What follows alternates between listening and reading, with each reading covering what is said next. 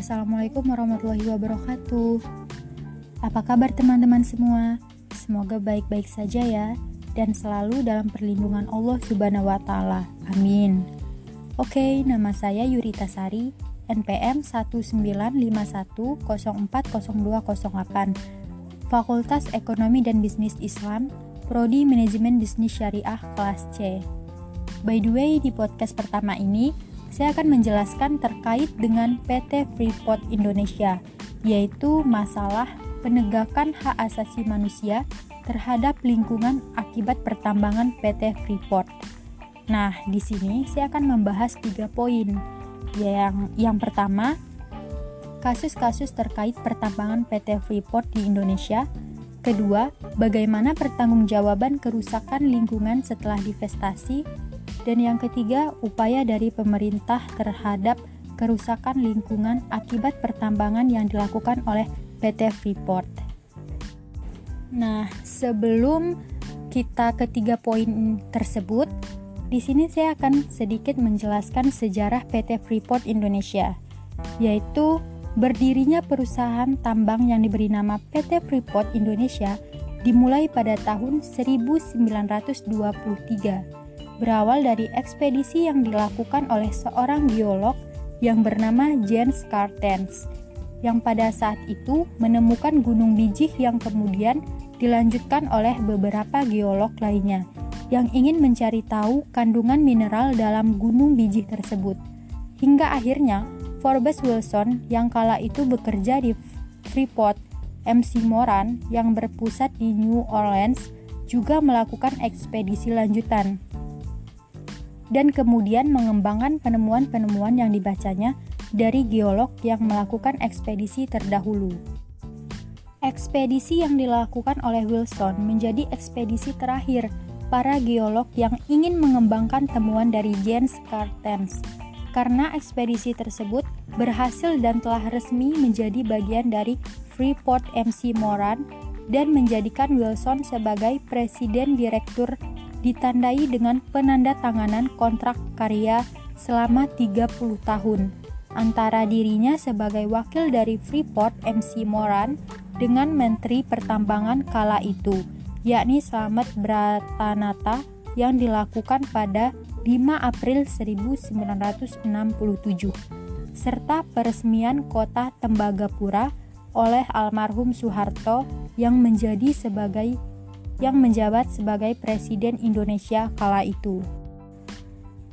PT Freeport Indonesia merupakan anak perusahaan dari Freeport MC Moran Copper dan Gold Inc. dan beroperasi di Indonesia berdasarkan kontrak karya yang ditandatangani pada tahun 1967. Kenyataannya, melalui tambangnya di kawasan Tembagapura, Kabupaten Mimika, Provinsi Papua, menjadikan PT Freeport sebagai perusahaan penghasil emas terbesar di dunia. Dengan keputusan Menteri, penggunaan kawasan hutan untuk aktivitas PT FI telah sah secara hukum. Namun, kemudian denda sebesar 460 miliar akibat penggunaan kawasan hutan secara tidak sah sejak tahun 2008 harus tetap diselesaikan sesuai peraturan yang berlaku, yaitu Permenkeu nomor 91 tahun 2009. BPK menyimpulkan kerusakan lingkungan itu berpotensi memicu kerugian sebesar 185 triliun. Meski belum dianggap sebagai kerugian negara, angka itu tetap tercatat sebagai nilai ekosistem yang rusak akibat aktivitas Freeport di Papua. BPK menjamin lembaganya akan melakukan pemantauan terkait roadmap Freeport yang telah disepakati sebelumnya. Poin yang pertama yaitu kasus-kasus terkait pertambangan PT Freeport. Indonesia merupakan negara yang memiliki sumber daya alam yang melimpah dan banyak. Dengan sumber daya alam yang melimpah dan banyak tersebut, diharapkan tidak adanya lagi kesengsaraan yang dihadapi masyarakat Indonesia serta meningkatkan kesejahteraan masyarakat dan masyarakat mendapatkan hak-haknya seperti hak sipil dan politik, hak ekonomi dan hak bersama. Masyarakat Indonesia juga memiliki kewajiban yaitu menjaga sumber daya alamnya yang melimpah dan banyak tersebut. PT Freeport merupakan salah satu perusahaan pertambangan yang ada di Indonesia yang melakukan penambangannya di daerah Kabupaten Mimika, Provinsi Papua. Perusahaan ini sudah ada di Indonesia sejak tahun 1967. Perusahaan ini sangat besar harapannya untuk masyarakat Papua khususnya karena PT Freeport dapat banyak memberikan pekerjaan untuk masyarakat Papua dan diharapkan meningkatkan ekonomi masyarakat yang ada di Papua. Nah, Inspektur Jenderal KLHK melakukan pemeriksaan mengenai kerusuk, kerus, kerusakan lingkungan yang diakibatkan karena kegiatan pertambangan. Nah, berdasarkan pemeriksaan beliau, mendapatkan 48 pelanggaran lingka, lingkungan yang dilakukan oleh PT Freeport. Besar sekali ya pelanggaran yang dilakukan oleh PT Freeport ini di Provinsi Papua. PT Freeport melakukan pelanggaran berupa menggunakan hutan tanpa izin. Hutan yang digunakan PT Freeport juga merupakan hutan lindung. Akan tetapi, Demi mengejar keuntungan yang besar, perusahaan asal Amerika Serikat ini melakukan pemakaian hutan lindung tersebut. Kontrak karya PT Freeport Indonesia sepanjang 2013 hingga 2015 berupa penggunaan hutan lindung seluas 4,534,93 hektar tanpa izin pemakaian kawasan hutan dari KL KLHK. Berarti sudah 4000 lebih hutan lindung rusak yang diakibatkan oleh PT Freeport Indonesia ini. PT Freeport Indonesia melakukan penambangan dengan tanpa melakukan pencegahan atas kemungkinan terjadi. Misalkan karena penambangan yang berlokasi memiliki curah hujan tinggi akan banyak mengakibatkan longsor di daerah tersebut Hal ini mengakibatkan sedikitnya dua pekerja PT Freeport Indonesia ditemukan dalam kondisi meninggal. Hal ini sangat membahayakan masyarakat sekitar khususnya masyarakat Mimika, Papua jika pihak PT Freeport Indonesia tidak melakukan pencegahan-pencegahan terlebih dahulu. Pencemaran lingkungan sekitar yang diakibatkan PT Freeport salah satunya merupakan tiling yang dibuang yang dibuang PT Freeport merupakan cairan asam yang sangat berbahaya bagi kehidupan akuatik atau aktivitas air. Banyak sekali spesies akuatik yang punah karena pencemaran limbah dan bisa kita bayangkan PT Freeport produksi hariannya mencapai 200 ton yang menghasilkan sebuah limbah kimiawi sebesar 190.000 ton per harinya. Wow, besar sekali ya. Hal ini juga sangat merugikan masyarakat Papua karena seharusnya hak-hak mereka untuk mendapatkan air yang bersih dan lingkungan yang aman itu dicederai oleh PT Freeport yang hanya mementingkan keuntungan mereka sendiri.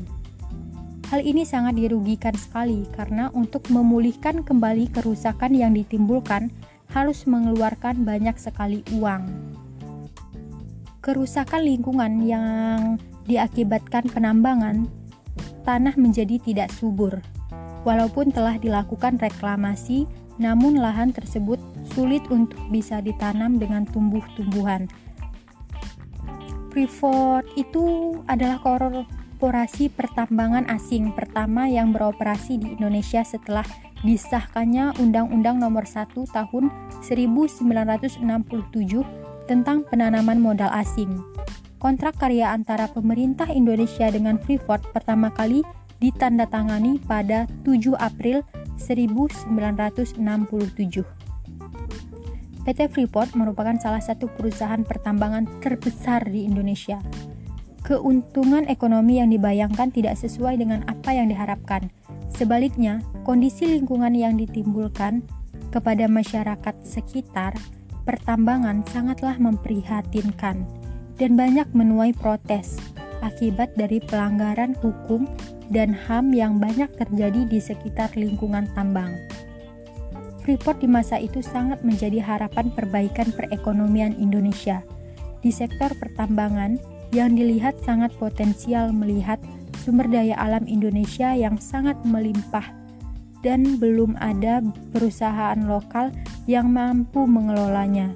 Maka pemerintah pemerintah Indonesia berinisiatif untuk bekerja sama dengan perusahaan asing.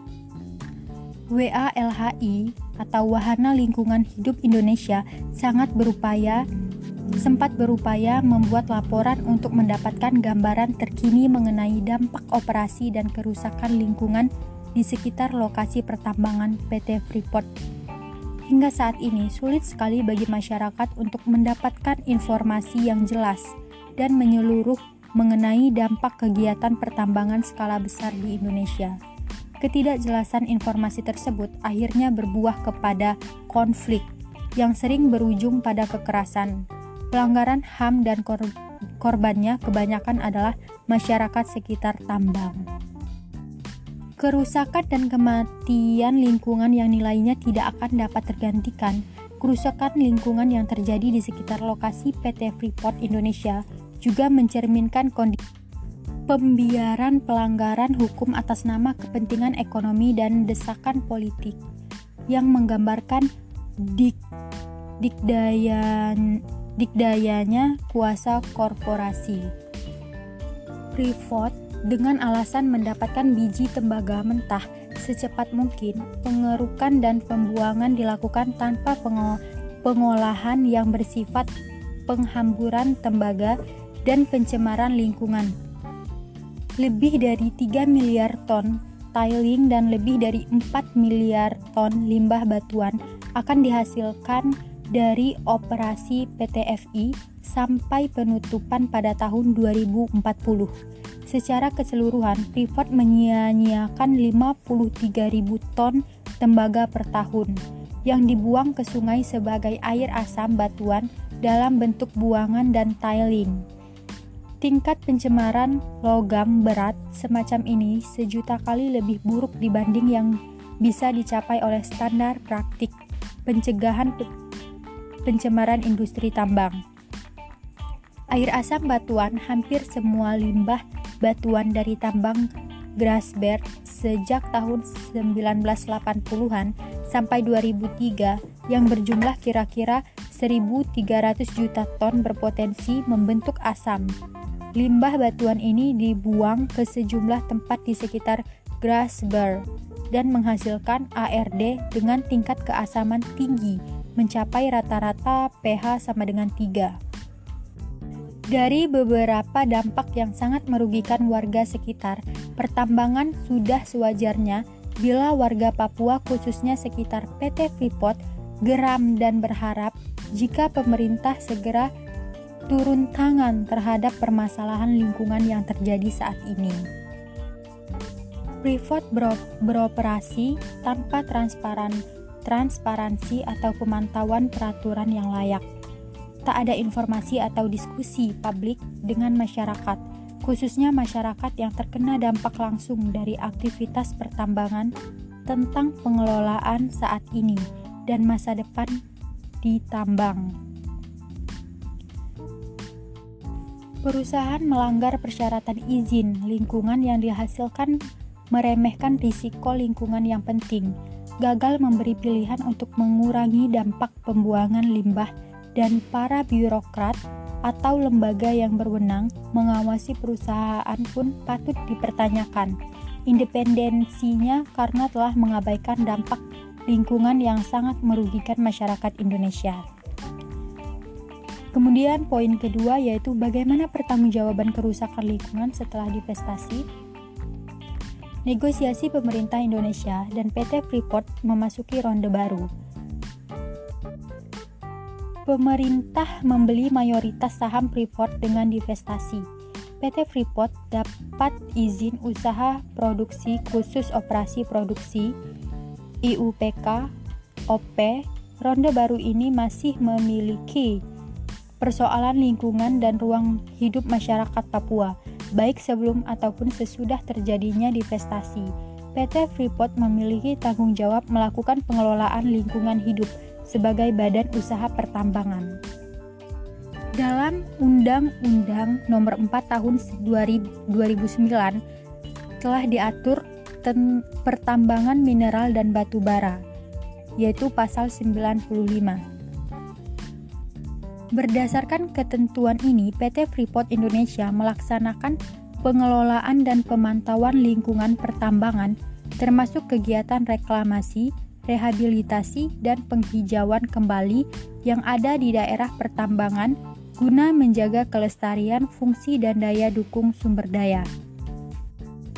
PT Freeport juga harus bertanggung jawab jika terjadi kerusakan lingkungan akibat pertambangan yang dilakukan sesuai ketentuan pasal 53 Undang-Undang Nomor 32 Tahun 2009 tentang perlindungan dan pengelolaan lingkungan hidup. Kemudian poin ketiga upaya, yaitu upaya dari pemerintah terhadap kerusakan lingkungan akibat pertambangan yang dilakukan oleh PT Freeport. Upaya pemerintah terhadap hal ini yaitu penerapan sistem perizinan pertambangan menurut ketentuan Undang-Undang Nomor 4 Tahun 2009 tentang pertambangan mineral dan batu bara. Kemudian Undang-Undang Nomor 32 Tahun 2009 tentang perlindungan dan pengelolaan lingkungan hidup. Upaya pemerintah juga terdapat dalam keputusan Menteri Lingkungan Hidup tentang persetujuan analisis lingkungan atau ANDAL, rencana pengelolaan lingkungan RKL, dan rencana pemantauan lingkungan RPL, regional rencana perluasan, kegiatan penambangan tembaga dan emas. Pemerintah berdasarkan keputusan ini memberikan tanggung jawab kepada PT Freeport untuk menaati segala persyaratan pengendalian dampak lingkungan dalam RKL dan RPL, serta memberikan sanksi kepada setiap kelalaian dan penyimpangan yang dilakukan oleh PT Freeport sesuai peraturan yang berlaku.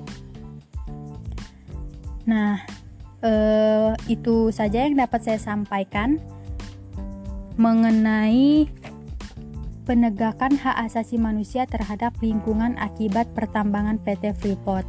Terima kasih telah mendengarkan podcast dari saya. Saya akhiri, wassalamualaikum warahmatullahi wabarakatuh.